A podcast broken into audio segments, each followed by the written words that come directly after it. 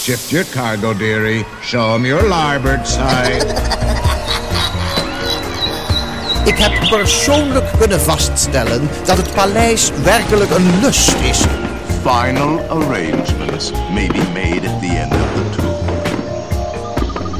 Het is weer ochtend in Pretparkland.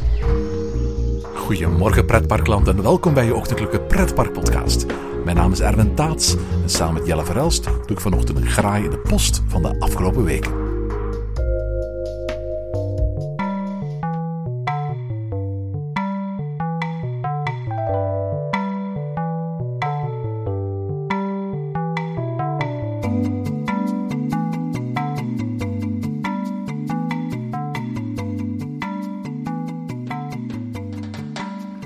Goedemorgen Jelle. Goedemorgen, Erwin. Zeg Jelle, het is weer eens tijd aan onze luisteraars, want ook zij hebben de afgelopen weken weer heel wat vragen uh, ingestuurd, heel wat mails ingestuurd. Bedankt daarvoor. En uh, blijf mails sturen via ochtend.pretparkland.be uh, en dan komen we daar heel regelmatig op, op, op terug. Hè? Ja, klopt. We proberen toch regelmatig een aflevering met reacties van luisteraars te behandelen, waar dat we dan verder of dieper ingaan op de vragen die luisteraars hebben over misschien een van de afleveringen of een nieuw thema aanreiken. Absoluut. Weet je wat, we, wat, wat er zo succesvol was? Dat was de vorige keer dat we die Instagram grabbelton hebben gedaan. Misschien moeten we dat heel binnenkort nog eens opnieuw doen. Ah ja, klopt. Dat was inderdaad leuk toen. En misschien moeten we dat inderdaad opnieuw doen om die korte vraagjes nog eens binnen te krijgen. Voilà, absoluut. Dan plaatsen we gewoon een, een, de gelegenheid op uh, Instagram een vraag te stellen aan ons. Korte vraag die we dan heel kort, althans zo kort als wij mogelijk kunnen, gaan beantwoorden in een aflevering. Misschien moeten we dat ergens uh, uh, heel binnenkort nog eens opnieuw doen. Als je daar mee aan wil doen, als je met vragen zit voor onze Instagram Grabbelton, volg ons dan op Instagram via Pretparkland. Zeg, ehm, gaan we eens beginnen met de eerste mail, Jelle. Geachte ochtend in Pretparkland. Eindelijk heeft de Efteling de befaamde um, piekmuizen te koop aangeboden. De replica uit Sprookjesbos is nu exclusief te koop in het Efteling Hotel. Oplage 1000 stuks à 10 euro per muisje. Vandaag heb ik er twee in mijn bezit. En omdat jullie in je podcast al verschillende keren dit souvenir hebben gesuggereerd, vroeg ik me af of jullie denken dat de Efteling dit gemaakt heeft nadat ze jullie podcast beluisterd hebben. En welke souvenirs uit het park moet de Efteling volgens jullie nog meer uitbrengen. Met vriendelijke groeten. Ja, zou de Efteling dat uh, gedaan hebben nadat ze onze podcast hebben beluisterd, Erwin? Wel, ik weet dat ik het al verschillende keren vermeld heb. Ik denk dat ik het waarschijnlijk al twee of drie keer in de loop van tien jaar ochtend in het pretparkland vermeld heb. Dat dat, dat dat echt iets was dat ik heel graag had gehad. Zo'n zo'n zo replica van een, van een piekmuisje. Uh, voor de mensen die niet weten wat dat is, als je door de Efteling wandelt, en met name als je door het Sprookjesbos wandelt, uh, dan zul je zien dat heel veel huisjes in het Sprookjesbos bevolkt zijn door een, een uh, muizensoort met een heel typisch uiterlijk, oorspronkelijk ontworpen door, door Anton Pieck gaandeweg zijn die muizen zo'n zo beetje in elk sprookje uh, uh, op gaan duiken.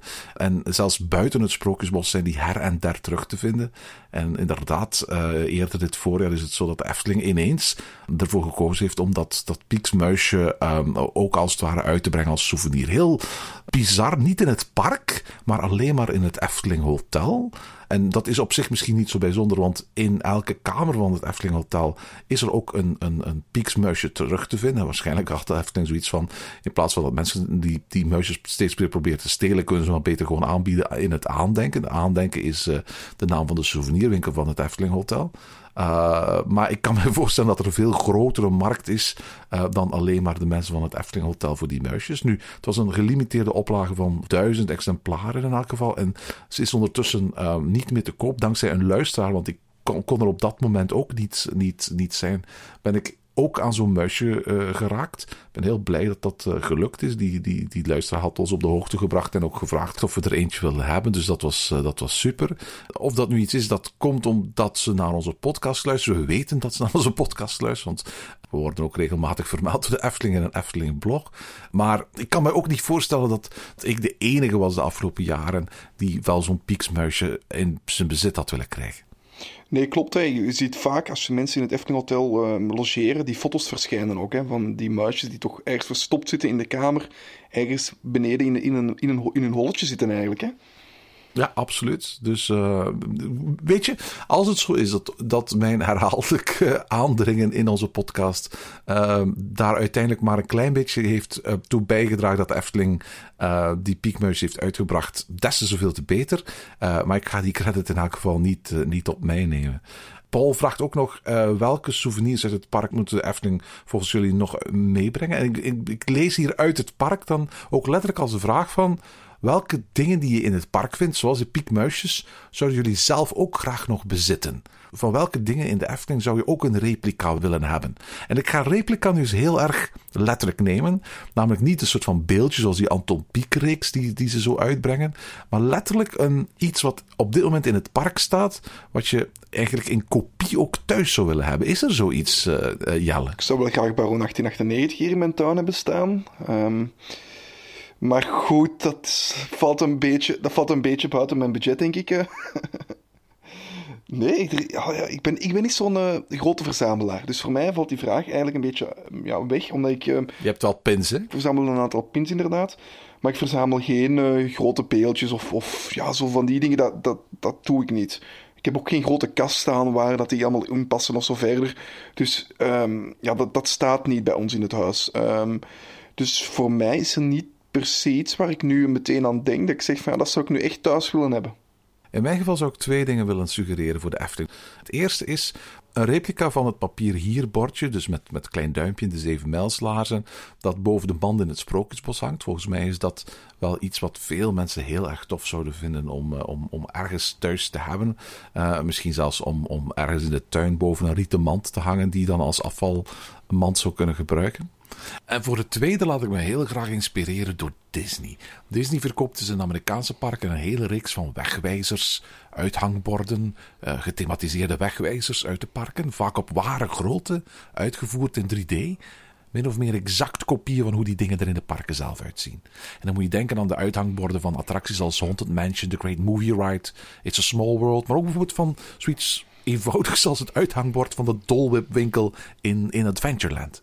En de Efteling heeft een aantal zeer iconische borden. En ik kan me best wel voorstellen dat zo'n typisch Eftelings bord, dat kan bijvoorbeeld gaan tot de schilderij van Villa Volta uit, uit de voorshow, tot bijvoorbeeld een replica van het bord dat boven de ingang van de Python hangt, dat daar best wel wat interesse voor zou kunnen zijn. Dat zouden geen goedkope dingen zijn. Ten eerste. Uh, en bovendien, dat zouden ongetwijfeld van die, van die exclusieve edities zijn, waar misschien maar maar 200 of 300 exemplaren gemaakt van zou kunnen worden. Maar zolang je bij wijze van de prijs hoog genoeg legt, hè, want de Efteling heeft de afgelopen jaren een paar keer geblunderd met, met aan de ene kant limited editions die heel goedkoop waren. Volgens mij is dat geen goede combinatie. Uh, je moet geen limited editions uitbrengen van 5 euro het stuk, want dan ga je alleen maar mensen gaan teleurstellen en dan ga je alleen maar een tweedehandsmarkt creëren. Wat je als Efteling wil doen is ofwel iets in een voldoende groot aanbod aanbrengen, ofwel iets in een beperkte oplage, maar dan duur genoeg geprijsd dat wij spreken de vraag uh, niet op één dag uitgeput is. En volgens mij zouden zo'n bordjes best wel, best wel goed kunnen verkopen. Dat ze zouden bijvoorbeeld ook replica's ook kunnen zijn van de aangeraden wordt te passen op uw beurzen en uw tassenbordjes. Tot bijvoorbeeld het uithangbord van Herberg de Eersteling. Volgens mij is daar absoluut een markt voor. Die markt gaat niet super groot zijn. Maar als je die dingen uh, uh, goed genoeg maakt en bovendien hoog genoeg prijst, denk ik dat dat best wel souvenirs zijn die Efteling-liefhebbers zouden wel zien komen. Ik in elk geval wel. Ja, kan ik zeker geloven. Hè. Ehm, ik zie inderdaad een markt voor dat soort producten. En het is zoals je zegt, hè, de afgelopen tijd zijn er wel een aantal um, limited editions gekomen. Maar die hebben vaak die lage prijs, waardoor dat de Efteling inderdaad die, die, dat aanbod niet, niet, niet kon volbrengen. Um, veel te weinig stuks van waren, waardoor mensen ook gewoon ja, teleurgesteld werden. En ik neem aan dat als je zoiets doet, dan moet je ofwel een hogere prijs vragen, zodat mensen het niet willen kopen of, of het, het prijs niet waard vinden. Ofwel moet je ervoor zorgen dat het aanbod hoger ligt dan dat het nu ligt. Want dat vind ik toch wel heel erg als je ziet dat ja, mensen op, bepaald, op bepaalde. Um, ik, denk, ik denk bijvoorbeeld aan de pouten van uh, de Python, die echt op een mum van tijd uitverkocht waren. Ja, absoluut. Of bijvoorbeeld die pins. Nu, nu pins zijn wel iets lastiger, omdat per definitie het een vrij goedkoop souvenir is. Dus met andere woorden, het is heel moeilijk om daar een limited edition van te maken en daar tegenover te stellen dat zo'n pin 20 euro kost of zoiets. Dat kun je als park niet maken, want iedereen weet dat de productieprijs van zo'n pin ja, 50, 60 cent is of zo. En, en dat soort marges zijn natuurlijk al te gek en dan gaat de Efteling ook niet goed uitkomen. Dus voor pins en zo en andere dingen waar, waar die weinig geld kosten, daar zou ik geneigd zijn om te zeggen van zorg gewoon dat ze in voldoende grote oplagen uh, verkrijgbaar zijn. De verkoop van pins binnen de Efteling uh, is een beetje geworden tot een soort van one-day moment. Hè. Men brengt een release uit, pakweg 500 of 750 exemplaren. Daarvan gaat ongeveer een derde al naar het personeel. En de rest wordt de dag zelf verkocht aan, aan, aan gretige afnemers die daarna voor een groot stuk de dingen op Marktplaats en eBay plaatsen. Dat kan niet de bedoeling zijn volgens mij creëer daar heel weinig goodwill bij, bij, bij liefhebbers. En dat geldt eigenlijk voor al dat soort limited edition uh, souvenirs. Het, moet een moment zijn waarop je als, als, als, als liefhebber juist blij bent dat je iets te pakken kunt krijgen. En niet juist gefrustreerd bent omdat je iets niet te pakken hebt kunnen krijgen. En dan moet vraag en aanbod wel in overeenstemming zijn met elkaar. Zeker als het gaat om low-budget uh, productjes zoals pins. Ja, laat eerlijk zijn, de pins die je nu kan kopen in Efteling, dat zijn volgens mij nog de Efteling 60 jaar pin. Um, en, en daar blijft het een beetje bij. Dus ik, ik, wil maar zeggen, van die, die pins die de Efteling nu verkoopt, het is bijna een wonder. Je moet echt wel op die ene dag zijn, of je moet iemand kennen die die ene dag hier naartoe kan, om die pin te pakken te krijgen. En dat is gewoon heel jammer voor de, de grote hoeveelheid mensen die pins willen verzamelen, dat die dan um, ja, een beetje geband worden naar eBay, waar ze aan woekerprijzen worden verkocht. Um, dus ik hoop dat de Efteling gewoon die, die marges veel hoger zet en, en daar plaats van 750 pins, meteen 2, 3, 4, 5000 pins en laat die gewoon een jaar in de winkels liggen. Ja, absoluut. Ik denk dat het ook goed zou zijn om bij wijze van spreken een soort van awareness te creëren rond dat product. Mochten er gewoon pakweg op elk moment minstens 30, 40 verschillende pins uh, aanwezig zijn in de souvenirwinkel, zodat je ook occasionele bezoekers kunt wijzen op het bestaan van die pins als souvenir. En ook van hen misschien verzamelaars zou maken. En dat, dat ga je niet hebben met het hele karige aanbod van pins dat er nu hangt. Hè? Nee, inderdaad. Alright. Um, volgende mail is van Tom van Disseldorp uit Roesbrugge. Hij schrijft: Hoi, mensen vanochtend in Pretparkland. Ik ben Tom en luister graag naar jullie afleveringen. Vorig jaar was ik in Walt Disney World en daar bezocht ik Disney Springs. Ik vond het geweldig en je hoort er veel te weinig over. Het lijkt me ook een soort formule die best wel op plaats te bouwen zou kunnen zijn, weg van andere Disney resorts. Wat vinden jullie van dat idee? Volgend jaar viert Walt Disney World overigens zijn 50ste verjaardag. Hoe denk je dat Disney dit gaat vieren? Alle succes met de podcast. Ik luister graag. Tom. Ben je ook jij bent ooit in uh, Disney Springs geweest, hè, eh, Janne? Ik ben, ik ben inderdaad in Disney Springs geweest. Um, in het vernieuwde Disney Springs. Hè, in de, want de, in, in de laatste versie eigenlijk, want die heeft de afgelopen jaren toch wel een metamorfose ondergaan. Ben je er vaak geweest in de loop van je verblijf of eh, was dat eenmalig? Nee, ik ben daar twee of drie keer geweest, maar ik moet zeggen dat het niet meteen... Ja, het, het, was, het, het hoorde bij de vakantie, maar ik vond bijvoorbeeld de Boardwalk veel gezelliger om, om s'avonds nog even langs te wandelen. Alright, maar misschien kunnen we die twee concepten, Disney's Boardwalk, Disney Springs, wel gewoon als één concept behandelen en dit, dit soort dingen. Ik merk dat hoe vaker ik in Walt Disney World kom, hoe frequenter mijn bezoekjes aan Disney Springs ook worden. Was dat vroeger iets wat ik misschien één keer in de middag en avond deed tijdens mijn bezoek? Is het nu vaak inderdaad zo, zoals, ik, zoals jij net vertelt, dat ik er twee of drie of vier keer naartoe trek. En, en ik moet eerlijk zeggen, de, de, de, de transformatie van Downtown Disney naar Disney Springs is in elk geval een heel succesvol. Het is er, het is er heel gezellig. Het is heel mooi gethematiseerd, ook met een hele mooie backstory. Uh, het, het, het, straalt Disney uit en tegelijkertijd iets dat totaal niet Disney is. Maar op de een of andere reden zit, zit, zit het concept wel heel erg goed. En ik snap ook de vraag die, die, die uh, uh, Tom hier stelt. Zou het geen idee zijn voor Disney om dit soort uitgaansgebieden, en ik neem er nu eventjes ook bijvoorbeeld gewoon op de boardwalk bij uh, Jelle, om dit te bouwen op andere plekken waar geen Disneyparken zijn? Ja, misschien zou dat wel kunnen werken, maar ik vraag mij soms, of ik vraag mij toch wel af of dat die, die meerprijs die je betaalt om Disney property te zitten, dat je die ook zou betalen als dat niet naast een Disneypark ligt. want dat is het nu wel in dit geval. Hè. Het zijn allemaal luxe winkels, maar de restaurants en zo, en veel verder hebben toch ook allemaal toch een iets hogere prijs als wanneer je Disney Property off gaat. Dus ik vraag me af of dat, dat echt iets is wat dat zou werken als je het, laat ons zeggen, hier in België ook ergens zou zitten. Als je weinig een shoppingcenter zou vervangen door Disney Shopping Center. Overigens wel heel interessant dat je nu Weinigem Shopping Center vermeldt. Dat is een van de grotere shoppingcentra in, in Vlaanderen. Daar is in Weinigem een Plopsa-winkel. Ja, klopt. Hè. Daar is inderdaad, Plopsa heeft daar al bijna van in het begin, toen Plopsa er was, denk ik, een, een winkel geopend. Hè? Ja, absoluut. En dat is op zich een van die voorbeelden van, als het ware, parken die ergens iets gaan realiseren buiten de parken, om toch op een of andere manier aanwezig te zijn met hun producten. Je kunt er ook folders en zo krijgen van de, van, van, van, de parken. En daardoor is het niet alleen een shoppingplace voor de producten van Studio 100, maar tegelijkertijd ook een reclamebord voor, als het ware, de parken van Plopsa. En Disney heeft dat soort dingetjes zelf ook gedaan in het verleden. Disney heeft zijn indoor themapark Disney Quest bijvoorbeeld ook geopend in Chicago. Uh, dat is een indoor themapark in downtown Disney, Disney Springs, waar je, waar je op vijf verdiepingen allerlei uh, computer games en, en, en, interactieve ervaringen kon gaan beleven. De bedoeling was om heel veel van dat soort Disney Quests te bouwen. Misschien moeten we daar nog eens een aparte aflevering um, over, over hebben, want dat is eigenlijk best wel een interessant onderwerp. Maar de bedoeling was letterlijk bij spreken dat van alle grote steden van de Verenigde Staten zo'n Disney Quest zou komen. Uiteindelijk is het bij die ene in Chicago gebleven. Die draaide ook niet goed. Misschien zelfs om dezelfde reden die jij daarnet vernoemde, namelijk uh, het feit dat je in één keer aan een veel hogere prijs dingen gaat aanbieden buiten Disney, waar dan mensen accepteren dat als ze eenmaal in een pretpark zitten en dus opgesloten zijn, wel meer gaan betalen. Dat het niet zo normaal is dat je voor dingen zoals eten en drinken en, en, extra activiteiten aanzienlijk meer betaalt voor wat je een paar straten verderop aan een lagere prijs kunt krijgen. Het is natuurlijk wel zo dat Disney ook uh, winkels heeft in bijna alle grote shoppingbuurten in, in heel de wereld. Hè. De Disney Store, zoals die heet, heeft misschien iets minder met de parken te maken, maar het is natuurlijk ook ja, een, uh, een, een, winkel die dat uh, die Disney-product eigenlijk binnenbrengt in alle grote shoppingcentra in heel de wereld. En dan bedoel ik vooral mee ja, de grote straten eigenlijk. Hè. Daar vind je toch bijna altijd een Disney Store terug. Dus wist je trouwens dat Disney ook hotels heeft die niet bij Disneyparken gelegen zijn? Ja, ze hebben er onder andere een aan het strand in Florida. En veel van die hotels worden ook bij de Disney Vacation Club aangeboden. Hè. Zo zit er bijvoorbeeld ook in in Hawaii. Ja, absoluut. Uh, Vero Beach is in Florida. Is gewoon een, een plekje aan de kust, eigenlijk de, de oostkust van, van Florida. Heerlijke plek met uh, parelmoeren, wit strand en heel veel palmbomen. Maar in de verste verte is daar geen Disneypark aan te bekennen. Maar Disney heeft er wel zijn eigen Disney's Vero Beach Resort. Als je daar gaat overnachten, dan heb je dus een resort met alle amenities, met alle faciliteiten van Disney.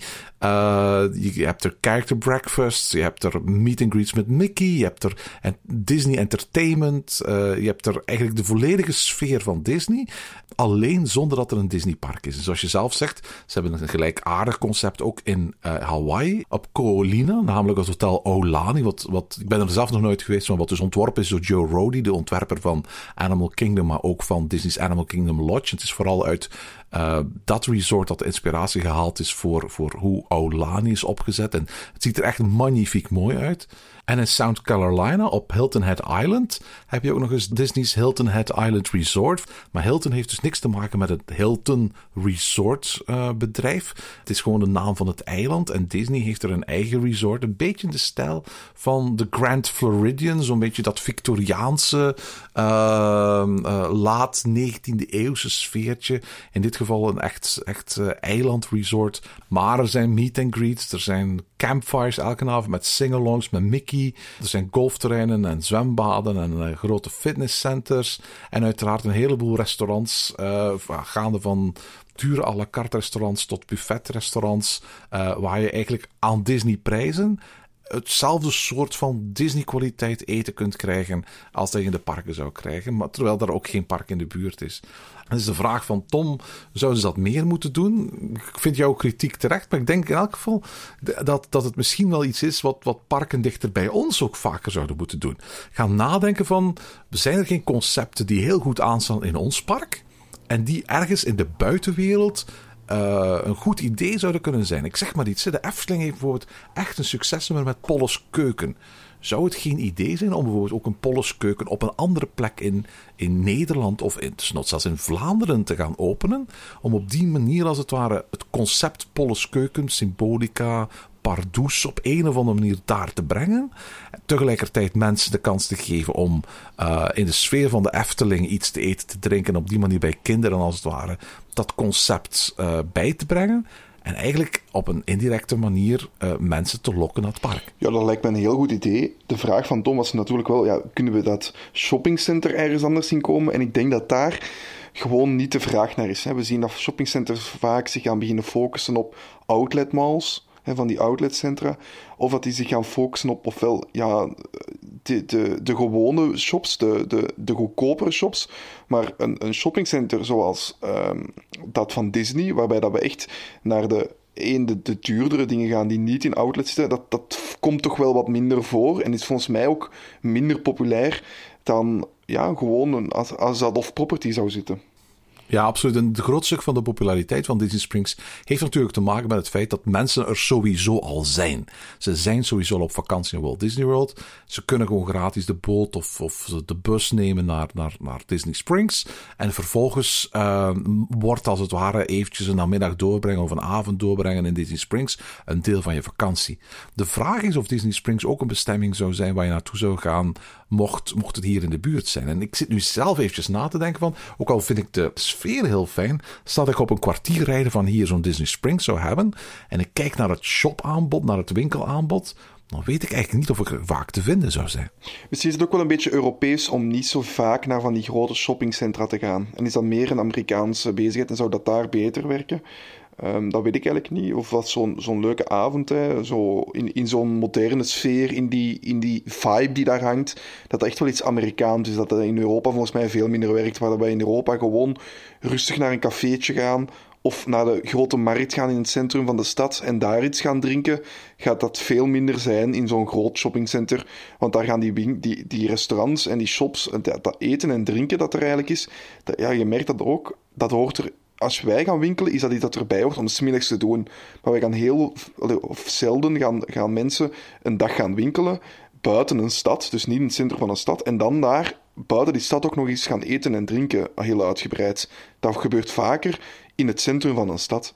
En ik denk dat dat een groot verschil is met, met Europa en Amerika, waar in Amerika shoppingcenters of gaan shoppen echt een dagbeleving is, waarbij je naar een groot shoppingcenter gaat, gaan wij in België veel vaker gewoon naar het centrum van onze eigen stad, van onze eigen buurt, van ons eigen dorp misschien zelf, om daar te gaan winkelen en dan ook iets te gaan eten of te drinken. Ten slotte vraagt Tom ook nog, volgend jaar viert Walt Disney World zijn 50ste verjaardag. Hoe denk je dat Disney dit gaat vieren? Wel, we weten dat Disney al een heleboel dingen gepland heeft. Uh, dat gaat van, van complete uh, refurbs van, van onder andere Epcot tot uh, grote nieuwe attracties die op dit moment gebouwd worden. Denk maar aan de Guardians of the Galaxy attractie in Epcot, maar bijvoorbeeld ook de Tron coaster die op dit moment in aanbouw is in uh, Magic Kingdom en ook daar in de loop van volgend jaar zou moeten opengaan. Dus de bedoeling is letterlijk wel dat, dat uh, er verschillende nieuwe attracties gaan openen in de loop van dat jaar.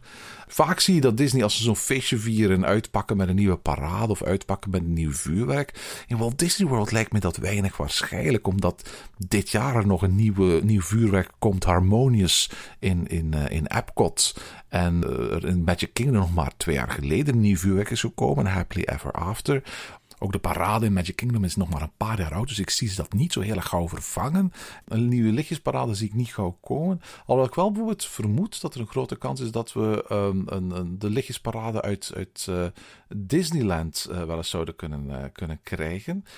Dat is Paint the Night. Dat is een parade die oorspronkelijk gemaakt is voor Hongkong, waar die tot op vandaag nog altijd draait. Heeft een tijd lang, ik geloof van 2015 tot 2017, gedraaid in, in Disneyland in Anaheim. Heeft daarna in, in 2018 een tijd lang gedraaid in Disney California Adventure. Uh, maar sindsdien is het zo dat die wagens ergens opgeborgen staan. En dat ook Disneyland in Anaheim in geen van beide parken nog een lichtjesparade heeft. En het is nu niet zo heel erg moeilijk om die paradewagens ergens uit te halen. En die naar, naar Orlando te verslepen. En die Walt Disney World in Magic Kingdom te laten zien. ik zie dat zoiets nog wel, uh, wel gebeuren. Uh, maar ik verwacht sowieso dat we daar de komende maanden nog wel veel meer over te weten zullen komen. Ook allerlei speciale souvenirs en ceremonies die zullen aangekondigd worden. Misschien is dit wel iets waar we het dus wat uitgebreider over moeten hebben, Jelle. Ja, inderdaad. Ik denk dat we best eens een nieuwe aflevering daarover maken als er nog meer bekend is. En dan uh, kunnen we misschien een voor- en een nabeschouwing maken. Hè? Want uh, je zal wel weer naar Disney World trekken. Ik kan niet wachten. Zeg, we kregen ook een mailtje, Jelle, van Maxime Laridon uit Diksmuiden. Ja, en hij schrijft... Dag Oip. Mijn naam is Maxime Laridon en ik ben 14 jaar. Ik luister heel graag naar jullie podcast, maar pretparken zijn een vrij nieuwe hobby voor me. Ik heb een abonnement op Bellewaarde en Plopsaland, maar ik ben nog nooit in een pretpark buiten België geweest. Nu staat de Efteling voor deze zomer op het programma met mijn grootouders, maar mijn ouders hebben gezegd dat ik ook met hen een dag naar een park mag. Welk park dat je als daguitstap kunt doen, zou je me aanraden? Met vriendelijke groeten, Maxime. Alright, zeg Jelle. Dus Maxime is op zoek naar een park dat hij als daguitstap vanuit Diksmuiden, dus dat is denk ik de westhoek van West-Vlaanderen, ehm, op één dag kan doen. Wat raad je me aan? Ja, hij zegt, ik ben nog niet naar pretparken buiten België geweest, dus laten we de Belgische parken even weglaten. En hij gaat naar de Efteling deze zomer, dus dat mag je ook al weglaten. Ja. Er zijn eigenlijk twee parken die mij meteen te binnen schieten. Ehm, het is de Westhoek, dus dan zou ik durven zeggen uh, Park Asterix. Ja, absoluut. Dat gaat 2,5 uur rijden zijn. Voilà. Um, en omdat het een daguitstap is, zou ik ook durven Fantasieland zeggen. We weten natuurlijk, Maxim, heel weinig over jou.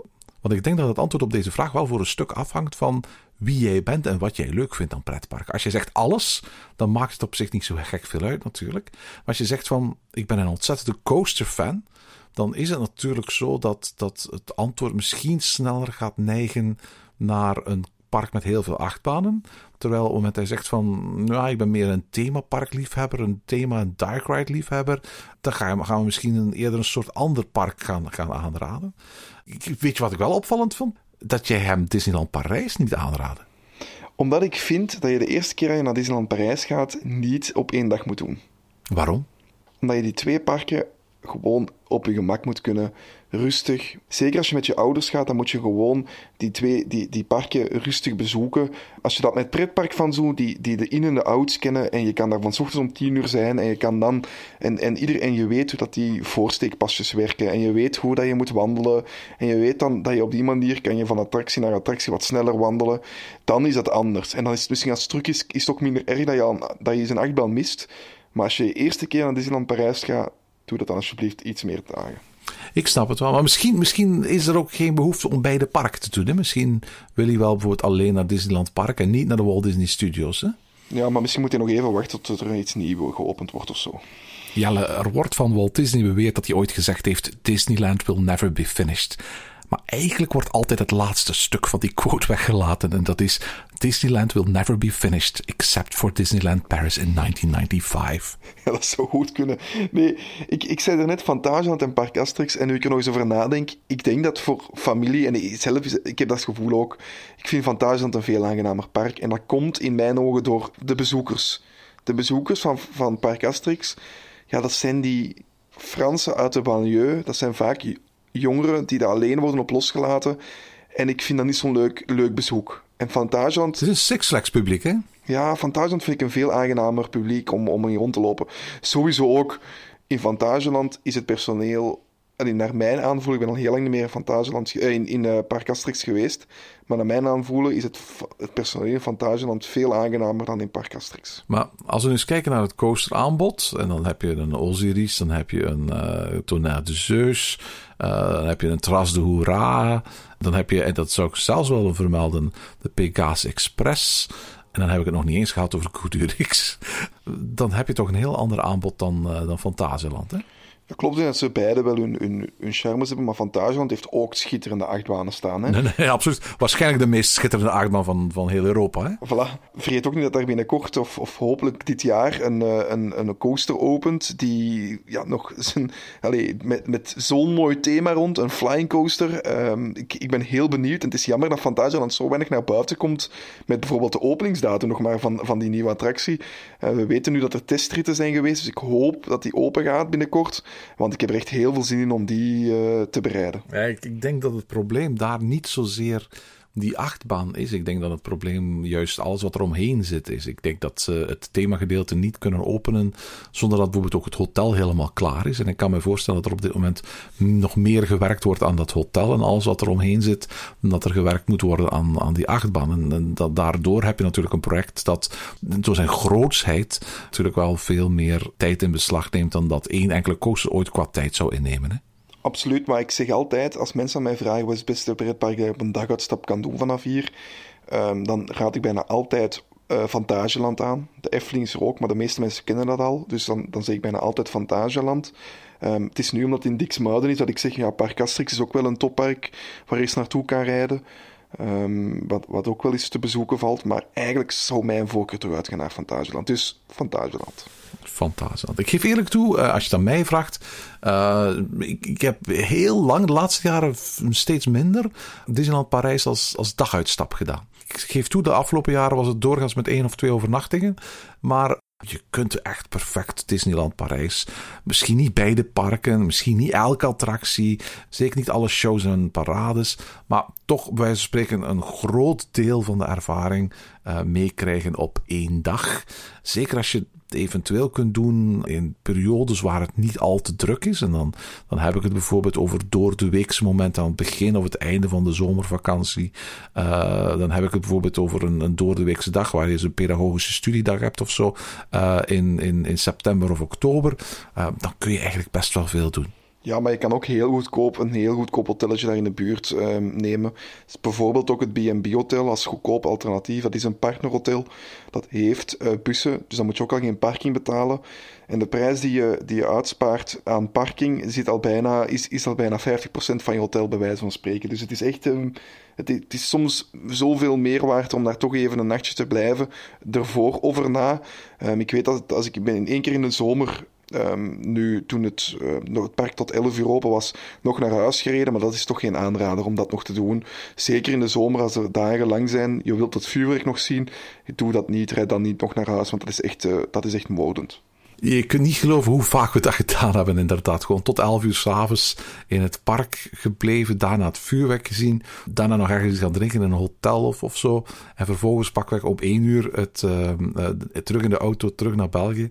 Gelukkig moeten we dan niet zo ver als, als veel van onze Nederlandse luisteraars moeten, maar dat, dat waren zware dagen. Of ochtends opstaan rond een uur of vijf, terug in je bed rond 4 uur s'nachts, moe maar tevreden. Ja, maar wat, wat we daar nog vaak bij vergeten is dat vroeger de parkopeningen niet zo lang waren. Hè? Dus de parken die sloten eh, veel vroeger vaak, hè, omdat die, die avondshow er niet altijd was. Hè? Klopt, absoluut. En dat is toch wel een, eh, een verschilletje dat, dat je toen toch wel vaak... Allee, va- dat was vaak niet 11 uur toen je naar huis reed. Hè? Dat is zoals in de winter, 6, 7 uur, dan kan je nog naar huis rijden. Is dit niet een van de raarste dingen trouwens? Ik bedoel, het is een park dat zo moet besparen. Maar toch is het zo dat Disneyland Parijs elke dag open blijft tot het donker genoeg is om het vuurwerk te doen. Zoals Disneyland in Anaheim of, of Disneyland in Tokio heeft niet elke dag vuurwerk. En toch is het zo dat in Frankrijk ze erop blijven staan van elke dag dat vuurwerk te doen. Wat betekent dat pakweg van april tot september, bij wijze spreken, dat het park later moet open zijn dan, dan in veel gevallen waarschijnlijk eh, financieel steek houdt. Ja, maar ik denk, en ik, durf het bijna zekerheid te zeggen, dat, dat het vuurwerk zowat de positieve einde van de dag moet zijn voor 90% van de mensen. Er gebeuren zoveel dingen in Disneyland Parijs die niet in orde zijn, dat ik denk van, dat vuurwerk, dat maakt het in orde. En als dat vuurwerk er niet zou zijn, dan zouden de negatieve commentaren heel sterk naar boven gaan. Dus ik denk gewoon dat het echt nodig is om daar vuurwerk elke dag te zetten. Wat een bizarre reden. Een vuurwerk als goedmakertje voor alles wat in de loop van de dag is fout gegaan. Ik weet niet of dat de, de, de gedachtegang van Disneyland Parijs zelf is, maar ik vind het, vind het vreemd. Ik zou graag eens op die vergadering aanwezig zijn. Zeg Jelle, ik stel voor dat we nog één, één eh, mail kort behandelen. En dat is er eentje van Johan Dostert. Hij schrijft: Eerst en vooral proficiat met jullie zeer interessante podcast. Jammer genoeg heb ik deze pas recentelijk ontdekt, maar ik ben in snel tempo alle afleveringen online staan aan het beluisteren om zo helemaal up-to-date te geraken.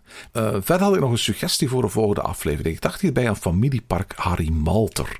Dit is uiteraard geen park met flitsende attracties of een zeer uitgebreide thematisering, maar telkens als ik hier met kinderen kom, ik ben Peter van meisjes van ongeveer dezelfde leeftijd en word binnenkort zelf vader, dus ik ben er al een paar keer geweest en in de toekomst ga ik ongetwijfeld nog, nog een paar keer bezoeken, word ik gecharmeerd door de authentieke sfeer en de kinderlijke charme dat dit park uitstraalt. Het park heeft, vermoed ik, ook een mooie geschiedenis. Nu Harry Malter zelf recentelijk is overleden, is het misschien een ideaal moment om dit park als onderwerp aan te snijden. Veel succes nog, Johan Dostert. Ben je er ooit geweest in Harry Malter? Nee. Ik ben er wel al geweest. Je vindt een fotogalerij van het park op fotogalerij.be trouwens. En, wat Johan schrijft klopt ook. Hè. Het park heeft een waanzinnig boeiende geschiedenis. Het is opgericht door Harry Malter, een van de zonen van de bekende Duitse circusfamilie Malter. eh, die lange tijd met verschillende circussen door heel Europa en vooral Duitsland, Nederland en België hebben eh, gereisd. En Harry Malter was directeur van het bekende Circus Piste. Dat is een circus zoals dat in België niet meer mag. Want zoals je weet hebben we in Vlaanderen de wet dierenwelzijn. En ik zeg met opzet Vlaanderen, want eh, dierenwelzijn is bij ons een materie van de gewesten en niet van het land. En eh, die wet die verbiedt het gebruik van dieren voor reizende circussen en tentoonstellingen. Eh, heel essentieel trouwens is hier het woordje reizend. Ehm, eh, dankzij het lobbywerk van Dierenpark en eigenlijk vooral van het Dolfinarium in Brugge geldt die wet niet voor niet-reizende tentoonstellingen. Eh, de eerste versie van die wet die is er gekomen in 1986. Maar Harry Malter, die rondtrok met olifanten en leeuwen en tijgers in zijn circuspiste, die zag die bui al aankomen en in 1978 besloot hij zijn laatste voorstelling te geven en zijn tent aan de haak te hangen. Die laatste reeks voorstellingen was trouwens in Antwerpen. En op elf dagen zijn toen 28.000 mensen komen kijken naar de laatste voorstellingen met exotische dieren van zijn circus. En dat was een legendarisch succes. Malter besloot zich achteraf terug te trekken uit het circuscircuit en zich permanent te vestigen in Heusden bij Gent. Uh, en de meeste van de dieren uit zijn circus, waaronder een nijlpaard, zijn uitgebreide leeuwen- en tijgercollectie en de olifant Suzy, die verhuisden daar naartoe. Mensen konden er op afspraak zijn dieren bekijken.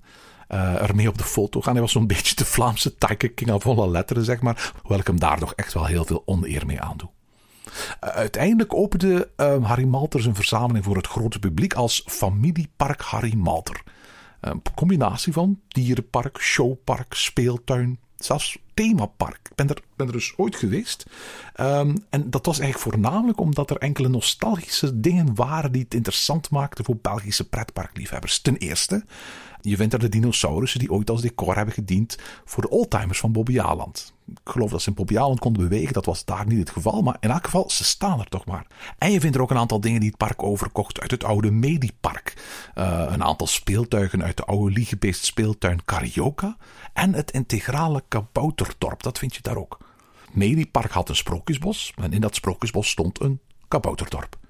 Toen Studio 100 Meliepark overkocht om er Plopsaland van te maken, wilden ze wel het Sprookjesbos gewoon open houden. En dat is ook gebeurd tot in 2005. Maar omdat Studio 100 natuurlijk zijn eigen kabouters had, met kabouter Plop en Kwebbel en zo, paste dat kabouterdorp van Melie niet meer in het Sprookjesbos.